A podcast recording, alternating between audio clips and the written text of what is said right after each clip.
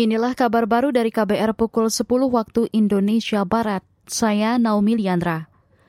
Saudara Bapanas, Badan Pangan Nasional, berencana menggelar pasar murah nasional yang akan dilaksanakan mulai 26 Juni 2023. Deputi Bidang Ketersediaan dan Stabilisasi Pangan Bapanas, Igusti Ketut Astawa, menyebut pasar murah dilaksanakan untuk pengendalian harga jelang Hari Besar Keagamaan Nasional atau HBKN Idul Adha.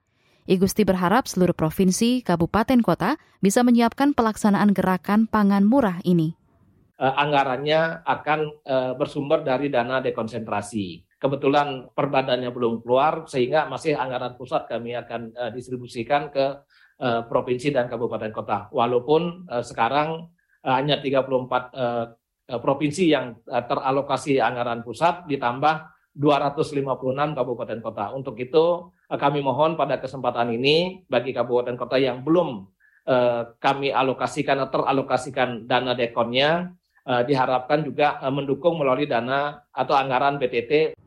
Deputi Bidang Ketersediaan dan Stabilisasi Pangan Bapanas, Igusti Ketut Astawa, mengatakan pasar murah diharapkan bisa memberikan kepada masyarakat pangan dengan harga yang wajar.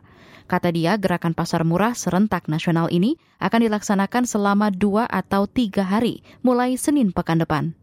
Badan Pemelihara Keamanan Bahar Kampolri mengklaim kehadiran polisi rukun warga RW menurunkan kriminalitas hingga hampir 50 persen.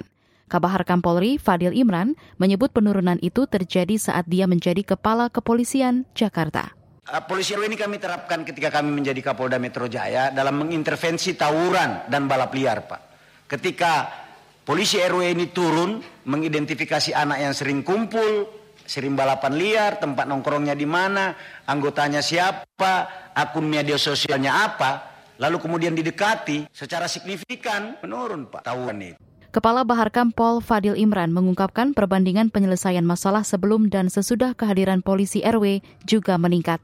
Pada Juni 2023, sebelum ada polisi RW terdapat lebih 10.000 kegiatan penyelesaian masalah. Angka tersebut meningkat 9 persen setelah ada polisi RW menjadi lebih 11 ribu. Beralih ke Bursa Efek Indonesia, indeks harga saham gabungan IHSG selasa pagi dibuka melemah 1,75 poin atau 0,03 persen ke posisi 6.684,31.